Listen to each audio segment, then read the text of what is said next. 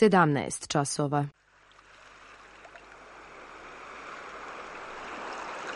Radio Televizija Srbije. Radio Beograd 2.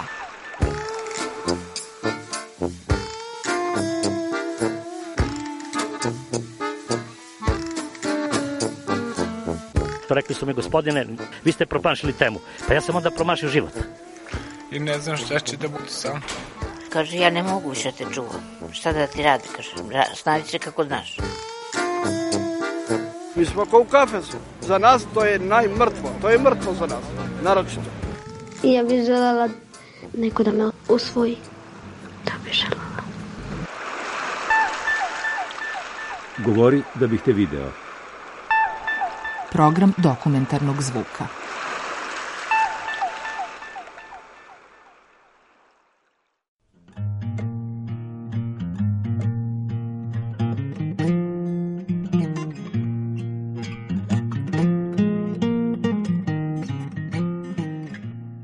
Zovem se Marija, to je, mislim, prvo, Marija Aleksić. Imam 29 godina, sledeća nedelja će biti čak 30. I već tri godine putujem full time svetom. To jest, radim online i putujem svetom. To je meni bila žalja od malena, nikada sebe nisam videla u Srbiji. Od uvek sam tela, uvek sam gledala one prospekte, gde ću ići, kako ću ići, ali jednostavno uvek su me privlača destinacije koje onako ne posećaju dosta ljudi. Gde si ti sam, odeš tamo i onda tu već kreće ta igra, izazov kao snađi se, kako ćeš sa aerodroma, kako ćeš tamo, kako ćeš iz grada u grad. Čak i kad sam bila na studijama, uvek sam skupljala pare i bila sam odličan student pa sam imala stipendije. I onda sam skupljala stipendije, na primer, letnji raspust, mesec dana, ja isplaniram sve kako ću da odem od tačka do tačke B. I to je obično bila Evropa. U to vreme bilo je sa drugaricom, koja uvek bila za to, ok, ti planira, ja idem sa tobom i mi smo super par što se toga tiče. Pa ne znam, išli smo tako po Francuskoj, Portugalu, Španiji, uvek smo imala nešto drugo da vidimo. I onda pre tri godine se desila situacija da sam dobila ponudu za posao na Tajlandu. To jest, jednom hotelu je trebao neko ko zna ruski. Da, ja sam inače završila ruski, ali pričam pet jezika. Od toga tri tečno tečno, to jest ruski, engleski i portugalski tečno, a sasvim dobro španski i ukrajinski. Da, dobila sam poziv, jedna hrvatska agencija je ta tražila ljude, meni to drugarica iz Hrvatske rekla, i ja sam stupila u kontakt sa njima. Njima je trebao tamo, u principu, animator, znači osoba koja bi tamo radila sve, ne znam, vežbe, jogu, akti, aktivnosti za decu, ali trebao je mi isto i neko ko zna jako dobro ruski, koji bi bukvalno bio neka vrsta menadžera ili spone između tih gostiju kojih je bilo 80%, pošto je Puket u pitanju, i samog hotela. I ja sam za 10 dana dala otkaz u firmi, spakovala se i bila na Tajlandu. Dalje, s obzirom da sam radila u tom hotelu, upoznala sam tu dečka koji je inače libanac, ali je živeo u Africi u to vreme, u Gani. I mi smo krenuli da se viđemo, tako da on mene posećivao na Tajlandu, dok ja nisam završila svoj ugovor i on je mene pozvao da dođem kod njega u Ganu. I ja sam otišla. znači, ja sam sela na avion u Bankoku i došla do Gane preko Adisa Bebe, sam išla preko Etiopije. Uh, moji nisu znali za to uopšte. Jer kao, kako da im kažu da sam ovde upoznala nekog, idem u Afriku, još idem u Ganu. To je nekako onako, nama to zvuči rogobatno. Ništa, otišla sam tamo prvo nedelju dana. Afrika je, ja sam zaljubila na prvi pogled. Znači, to je nešto potpuno drugačije od Azije. To je buka, vriska, piska, boje, to, to su ljudi koji voda priču, ljudi koji, koji su uvek nasmejani, muzika svuda. To je nešto što ja volim jer sam ja sama takva. U Aziji, na Tajlandu pogotovo, ljudi su nekako svi blagi, tihi, mirni, što meni ne odgovara nikako. Čak su mu u hotelu upozorili kad sam došla da bi trebalo da probam da pričam malo tiše, jer su ljudi imali od mene a ne mogu da kažem traume, ali manje više da su bili onako da se svaki put stresu kad dođem i kad kažem ma, savadi kao oni svi. I su nekako generalno tihi. U Africi ti se dereš na njih, oni se deru na tebi, to je totalno okej. Okay. I meni to bilo divno, ovo je kontinent mojih snova. Zapravo, Zapadna Afrika ima jako puno Libanaca. Oni drže, oni su menadžeri, oni su biznismeni, vlasnici, tako da jako puno. Većina belaca u Zapadnoj Africi su zapravo oni. Da, imaju jako veliki community, veliku zajednicu, da, zajednicu Libanaca tamo i neki su čak i drugo koleno, znači da su već rođeni tamo u Africi, da se ponašaju kao Afrikanci, ali su Libanci. Jako čudno. On nije, on je rođen u Libanu, ali tamo živi, tamo radi igrom slučaja. I tih prvih nelju dana je bilo super, jer nekako sve je bilo novo, on je bio isto na odmoru, mi smo tu obilazili Afriku, međutim, to je nekako taj deo, znači Afrika, u Africi imaš ili si jako siromašan, ili si prebogat. Znači, tamo ti ljudi, na primer, kuća za običnog belca ko hoće da živi su po 1000 dolara i naviše. Ti ne možeš da radiš nešto normalno kao u Evropi, recimo. Ti kad odeš tamo, ti ideš tamo za velike pare. Nijedan belac neće otići u Afriku da bi radio za 2000 dolara. Nego to su obično jako velike pare. I ja sam tih prvih nedelju dana žila na visokoj nozi. To su bili restorani, barovi, gde tebi pasta, jedna pasta je 50 dolara, gde se nekoliko plića, pića plaća po 300-400 dolara i to se utrkuju ko će da plati, da. Ovaj, naprimjer, izađemo, ne znam, naš četvoro, petoro, pritom ja pijem džus, šta ja mogu da pijem, pošto ne pijem alkohol, tu neka saladica, nešto, i bukvalno to je račun 300-400 dolara i oni se utrkuju ko će da plati. Ti na ulici hranu kupiš za 1 dolar i najedeš se. Eto, tako neke stvari i onda odeš u restoran da ti to košta 50 dolara, gde te proveravaju kad ulaziš ako si crnac, sa onim detektorima kao za bombe ispod automobila i tako to. Ako si belac, sve je okej, okay, možeš da uđeš. Bogataši tamo su belci ili crnci. Crnci obično koji su bogataši, oni su stvarno prebogati i obično rade sa kakaom. Pošto je kakao zlato, bukvalno crno zlato, pogotovo Gana i obala slonovače, oni imaju jako mnogo kaka. Znači ti ako radiš sa kakaom ili sa zlatom, prebogati su. Tako da, da, isto po tim rooftopovima, jako ta fancy mesta, isto, vidjet ćeš crnce, ali to, ako vidiš crnce unutra, to su prebogati crnci. Mesto da ti imaš, na primjer, ne možeš da uđeš u klub koji je underground klub, lično jedan kontejner, ali ako nisi na spisku godišnja članarina, ako nemaš godišnju članarinu, ti ne možeš da uđeš. Uđeš unutra, imaš različite prostorije gde imaš i, ne znam, i kokain, i poznate pevače, sportiste. Znači, bukvalno je totalno drugačije. Oni imaju svoje vozače, svoje sluškinje, svoje kuvare, svoje obezbeđenje. Niko od njih tamo, oni žive recimo 10 plus godina tamo, niko od njih nije jeo nikada na ulici, u nekom lokalnom restoranu. Mnogi od njih nisu probali afričku hranu jer su oni rasisti. Marija, nemoj da jedeš njihovu hranu, umrećeš. Marija, nemoj da piješ tu vodu, umrećeš. Nemoj da ideš sama na market, opljačkaće te. Nemoj da ideš u njihov uh, gradski prevoz, dobit ćeš zarazu. Eto, oni imaju takvo mišljenje o tome i jednostavno tih nedelju dana, kažem, neko je bilo sve, obilazili smo razna mesta i nisam obraćala pažnju toliko. Međutim, kad sam se ja vratila nakon mesec dana, da vidim da li ja mogu da funkcionišem sa tim dečkom, i tu sam bila mesec dana kod njega, ja sam bila da, ne, znači da, da jednostavno da ja hoću da odem napolje i da probam tu hranu sa ulice, da odem na market gde su ljudi. I ja sam lepo rekla da ja zahvalila se, bilo je lepo i ja se vratila kući da bih se ponovo vratila u Afriku i krenula sama da je obilazim narednih 7 meseci.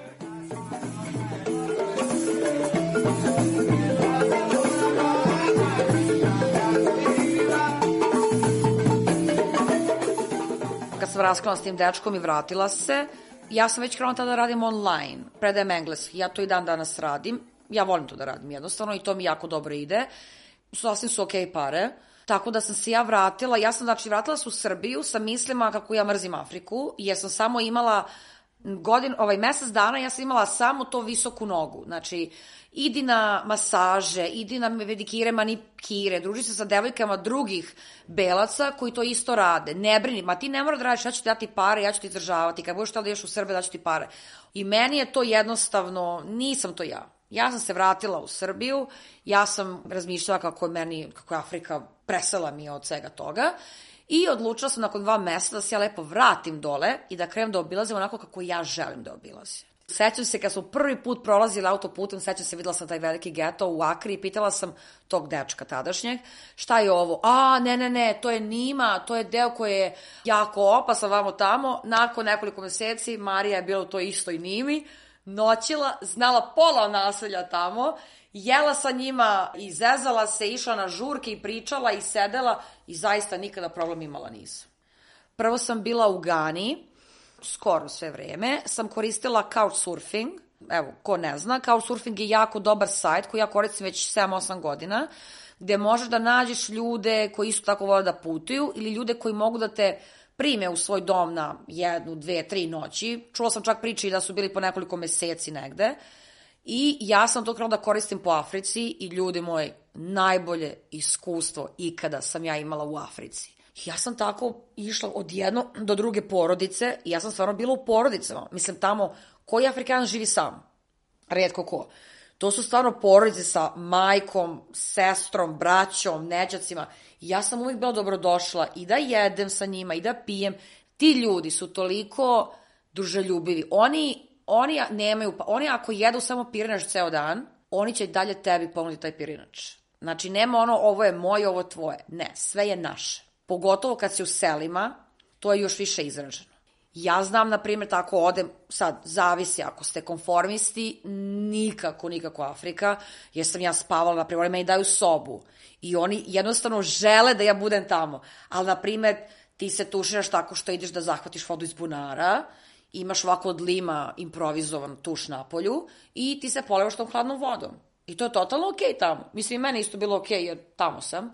Spavala sam obično dušak bude, nekad imam onu mrežu za komarce, nekad i nemam, pa onda upalim ima ono što kao spirala, to jako dobro radi dole, ali oni su meni pokazivali, oni su mene vodili na lokalne pijace, lokalnu hranu smo jeli i zaista nikada ništa nisu tražili za uzvrat. Čak sam ja bila ta koja je uvek pitala, ajmo da jedemo. Ma nisam gladan. Daj, molim te. Ajmo mi da jedemo. I tako se desilo kad sam bila u Gaj na severu, drug mi je preporučio iz tog geto naselja, jel te, u Akri, preporučio me druga koji je na severu u nekom selu. I on ima neku malu organizaciju, mislim, nije to organizacija NGO, nego to je više nešto, on okuplja decu iz sela, kako bi uh, ih učio da čitaju, da pišu engleski. Ja sam otišla tamo, upoznala sam svu tu decu, oni su pokazali čak kako da pletem korpe, pošto oni to rade, oni uče neki zanat, kako bi imali neku vrstu budućnosti kada porastu o, ne znam, njihove plesove su i pokazivali, učili me i stvarno je bilo fantastično.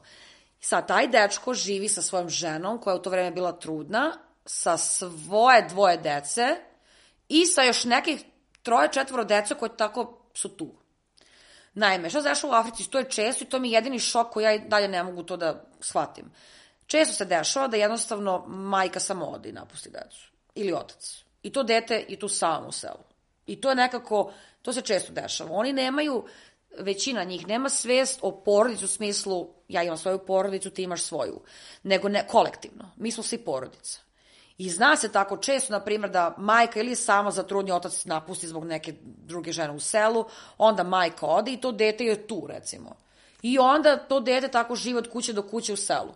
I jede, na primjer, sa jednom porodicom, sa drugom porodicom. Meni to bilo šokantno. A to su stvarno jako dobra deca neiskvarena deca. I desilo se jednom, rekao, ajmo da kupimo večeru, bilo nas, koliko, petoro, šestoro dece, njih dvo odraslih i ja. Rekao, idemo da kupimo večeru. Otešli, to je selo, mislim, nemaš ništa, kupiš osim pirinča, nudli i pasulja. To, I one banane pržene njihove. Ja sam toga kupila recimo kilo i bilo je možda dva dolara. Oni su bili u šoku što sam dala tolike pare za tu hranu. Rekao, jedite. Sad, u Africi je običaj da se sve stave u jednu zdelu veliku, i da se rukama jede. Znači, oni će te ponuditi, nepristojno ti da kažeš ne, ne, ja ću svog tanjira, jer oni svi dele i svi jede iz toga. Sad, kako sa obzirom na koronu i sve, ne znam zaista, ali ta, tada je to bilo normalno i tačno postoji tehnika kako se jedu, na primjer čak i neki pirej sa supom i ja sam uvek jela u Africi rukama, jer meni to, tamo sam, hoću da jedem rukama. I da, kupila sam čokoladice deci. Znači, deca žive u zemlji gde je čokolada broj 1 kako. Oni nikada nisu probali čokoladu. Nikada. Ja sam u tom selu našla Kit Kat, sećam se, znači najmanje Kit Kat, jedno što sam našla i kupila njima. Oni su gledali onu čokoladicu, oni su bili toliko nestrpljivi da je otvore, oni su obigravali oko nje i kažemo im nemojte da jedete sad, dajte prvo da večeramo pa ćemo onda. Meni dolazi dete od tri godine koji dalje ne zna priča kako treba, daje mi ovako čokoladicu i nudi me da mi podelimo tu istu čokoladicu koju sam ja kupila njoj. To je nešto neverovatno. Oni su, oni su to jeli, oni su to toliko sporo jeli, ta, tu čokoladicu i oni su bili oduševljeni kako to ukus ima čokolade i kako je to divno i wow. Jer oni te stvari ne mogu da priušte. Te čokolade, Nestle, sve ove stvari ovde, vi tamo imate fabrike, ali nemate te čokolade. Ili imate, ali po jako velikim cenama. Čak i za mene su to bile velike cene u poređenju sa Srbijom, a nekmo li za njih koji, daj Bož, da imaju 50 dolara mesečno. Tako da, ovaj, da, ono isto, na primer, oni televizor, to je jedno, jedan mini televizor, oni crno-beli na celo selo. I onda ako puste neki crtani, onda vidite, tipa dođe tako 15, 20, 30 glava dečica, dođe ovako i svi gledaju da vide šta se dešava na tom TV-u. Struje, na primer, ima je, negde je i nema, pa onda imaju one kao baterijske lampe neke koje koriste uveče i to je to. Vruće vode, to, to vruće vode je privilegija tamo, Wi-Fi je velika privilegija. Wi-Fi, na primjer, preko 100 dolara mesečno i to je ograničeni katastrofa i kakva je to konekcija. Jako je dobra pokrivenost 4G mreža. Ja sam sve vreme šerovala svoj internet sa telefona, što radim i ovde kod kuće kada moj internet nešto nije u redu, naravno i sasvim solidno radi. Iz mog iskustva to je zapravo najstabilnija mreža, mnogo stabilna nego što je Wi-Fi. I eto, i ljudi uopšte, ljudi nisu rasisti. Mislim, belci su više rasisti prema crncima nego obrnuto.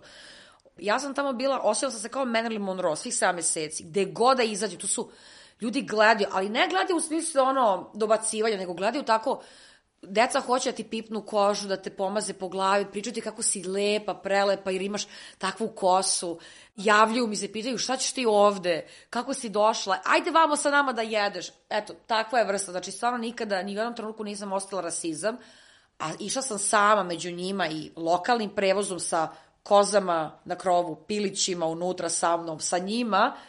I jedina belkinja obično, danima da ne vidim uopšte drugog belca, nikada mi se, eto, ništa da kucam u drvo nije dogodilo, ni jedna neprijatna situacija.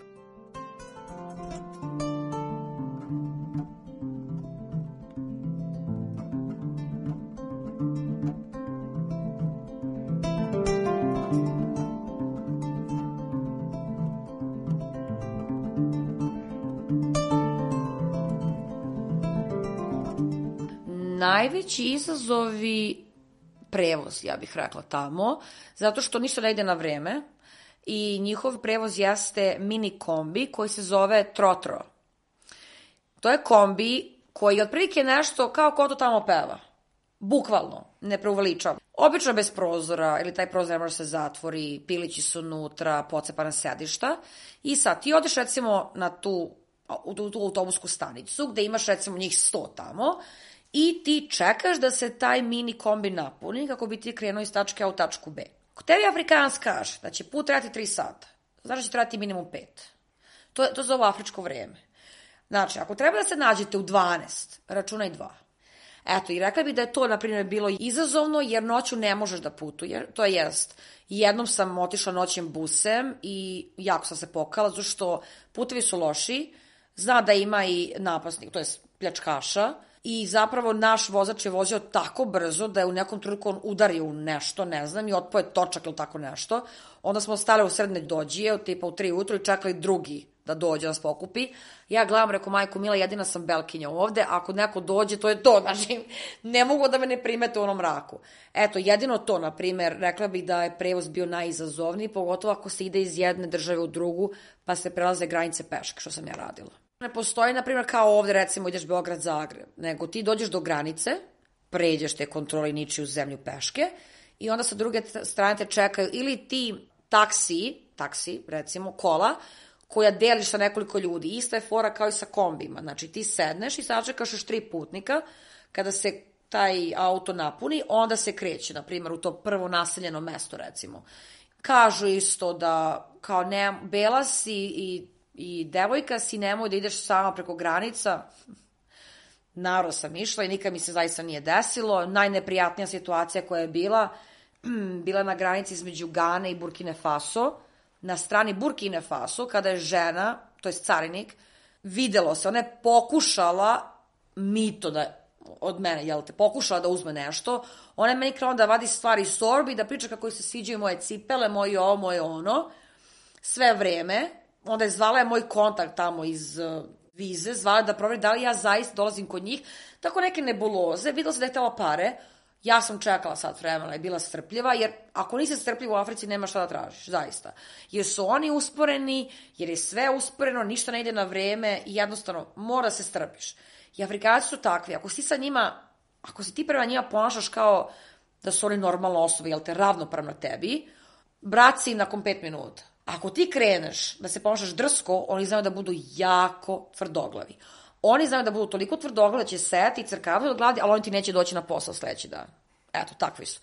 Mene su gotivili 99%, je sve takva, uvijek dođem i odmah kažem, brate, sestro, oni se tako zovu, brada, sista, dođem, kako ste, jao, idem vamo, jao, kako mi se sviđa ova hrana, pa da, ja to jedem na ulici, jedem, i oni su to, oh, vidi je Belkinja koja zna naše običaje, koja zna naše gradove, koja putuje sama, koja voli našu hranu, to je to.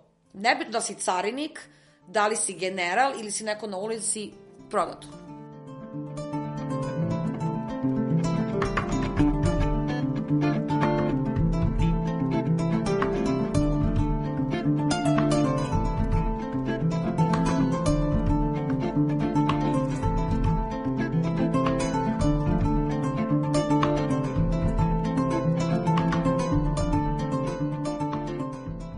Recimo, na primjer, dan u gradu drugačiji, ako imaš plažu, onda je tek druga. E ti tamo u Africi nemaš, na primjer, sad ću da vidim muzej, sad ću da vidim ovaj spomenik, toga, toga nema. Znači, u zapadnu Afriku se ide, čak ne zbog safari, oni nemaju safari.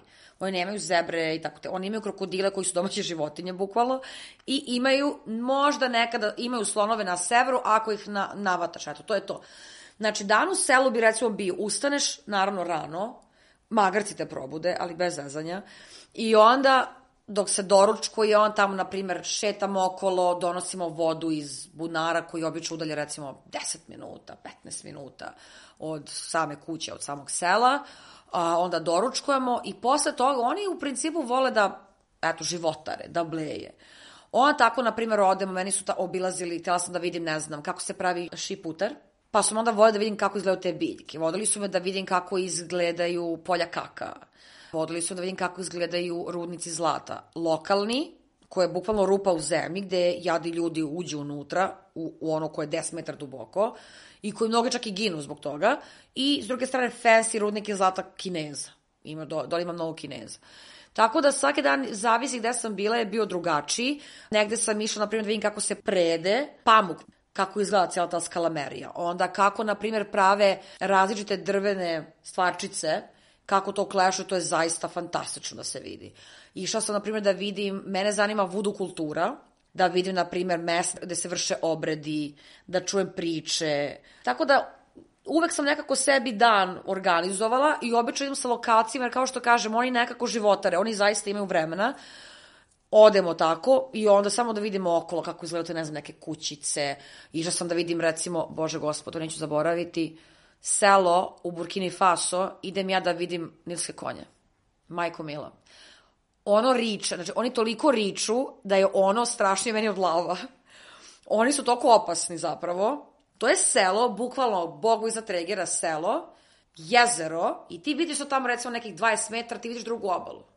Ali oni ne mogu čamcima svojim da pređu obalu zbog nilskih konja, zato što nisi ko može bukvalno da, da te samelje. I između oslog unutra isto imaš i krokodila. I odem ja, nađu mi tamo nekog e, čoveka starog, da me on odvede da ja vidim nilske konje. Uđemo mi u neki čamac, majko mila, znači čamac, ono samo što se nije raspalo, mali čamac, rekao šta ću radimo mi s ovim ako nas nilske konje, mislim ti ne možeš, nilske konje su jako brzi u vodi. Došli smo mi do neke granice, verovatno on zna čovek, ima on, jasno, odatle je. I on je krenuo da udara veslom o drvo, da ih iritira. Hm. Izritirao ih je bogami i samo se prvo čula majka, to mi je rekao da je majka, jel te, i krenuo se vidi onako obrisi njeni. I onda beba. Ja ogledam, rekao, ovo ako dođe kod nas, gotovi smo. I ja sam rekao, okej, okay, wow, super. I on ko hoće biti da se dokaže, da im pokaže, još rekao, neka, neka, molim, ajmo mi nazad obalu. I onda mi je rekao u selu, kaže, e, samo da znaš, slučajno ako utro budeš izašla oko 4-5, i ako vidiš nešto kolje ispred, kao nema se začudiš. Šta da radim? Pa kao noću, znači pred zoru, niski konji i krokodili izlaze. Eto, ponekad ulove pile neku hranu da rađu. Rekao, ja zaključavam ovo, ja izaći neću, tačno. Kao, ako ideš u WC, pošto je sve napolju, kao da znaš. Rekao, ne, ja, izla, ja neću piti vodu, ali ja izlaziti neću napolje, sigurno. A što se tiče grada, tu, na primjer, možeš vidjeti te velike pijace, U Ugani je jedan od najvećih pijaca u zapadnoj Africi gde tipa 100.000 ljudi dnevno prođe, procirkuliše. Ne znam koliko radi, 50.000 ljudi samo radi tu. To je Makola Market se zove, to je ogromno. Ja sam išla sa nekim, tu sam prvi put išla zaista sa nekim, što mi rekli, izgubit ćeš se. Ima da uđeš na jedno mesto i neće znati gde da izađeš i gde si uopšte. I zbog toga su mi dali osobu koja ide stao na market zaradi posla i onda sam išla sa njom, bukvalno imaš sve da nađeš, ali sve bukvalno. Eto, na primjer, to je ima u gradovima noćni život, koji isto jako dobar ako voliš lokalnu hranu, muziku i tako te stvari što ja, na primjer, volim. I plaže ako, ako imaš. I eventualno da, imaš neke tvrđave koje su ostale još od vremena kolonija, gde su bili robovi i tu sam išla u nekoliko i čula te priče koje su apsolutno užas. Ono što su radili Englezi, recimo, njima Francuzi, ono je teror. Ono je zaista, mislim, jedna od najfascinantnijih stvari koje sam čula i videla, ali jedna od najšokantnijih.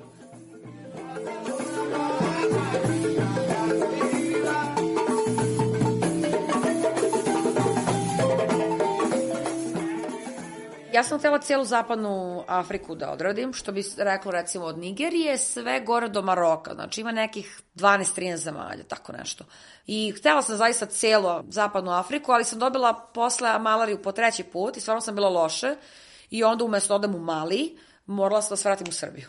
Mislim, ja uvek putujem sa zdravstvenim osiguranjem, nema boga, makar je bilo 5 dana u Evropi.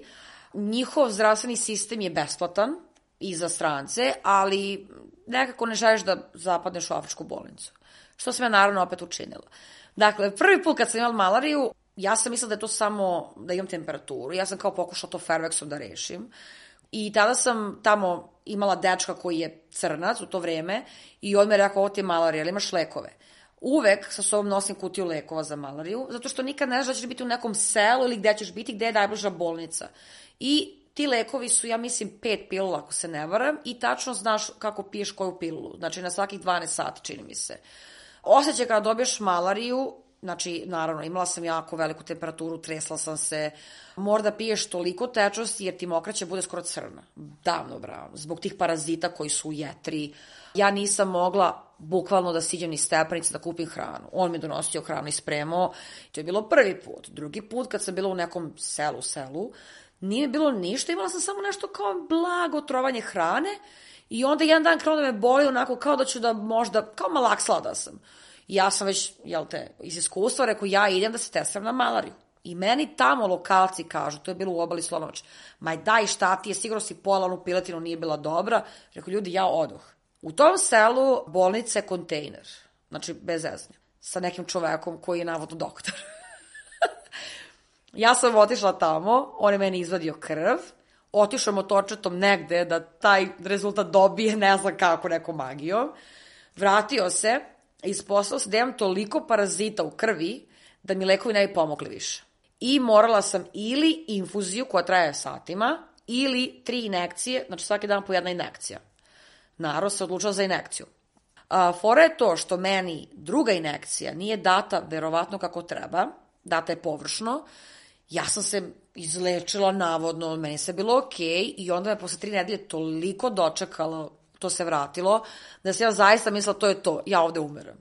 I ja sam shvatila da ja ne mogu da idem u Mali, koji je još nazadnija zemlja od svega ovoga do sada, jer ako me četvrti put sačeka u nekom selu, ja zaista ću verovatno tu i završiti, onda sam lepo kad se to malo smiralo, nakon dve, tri nedelje sam uzela kartu i vratila se u Srbiju da se lečim i oporavim.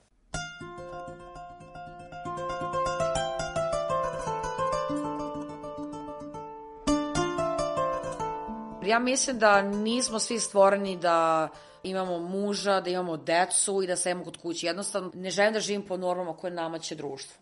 Tako da, moj plan je ja za nedelju dana idem u Egipat. Onda od Egipta vidjet ću koliko ću biti tamo i gde ću posle i kako se situacija bude odvijala, ali nakon pet meseci ovde mislim da je stvarno krajnje vreme i hoću tamo da dočekam opet svoj rođen u nekoj zemlji, jel te, koja nije Srbija na nekom toplom mestu. Dokle ću ovako, ne znam, možda se negde skrasim, ali ne znam, za sada mi iskreno prija, volim da skačem sa mesta na mesto, ne vidim sebe sad, ok, ja ću otići, ne znam, u Nemačku i tu ću živeti, ne. Za sada to nisam ja, možda za 10 godina se promenim, ali za sad mi se sviđa ovako kako je.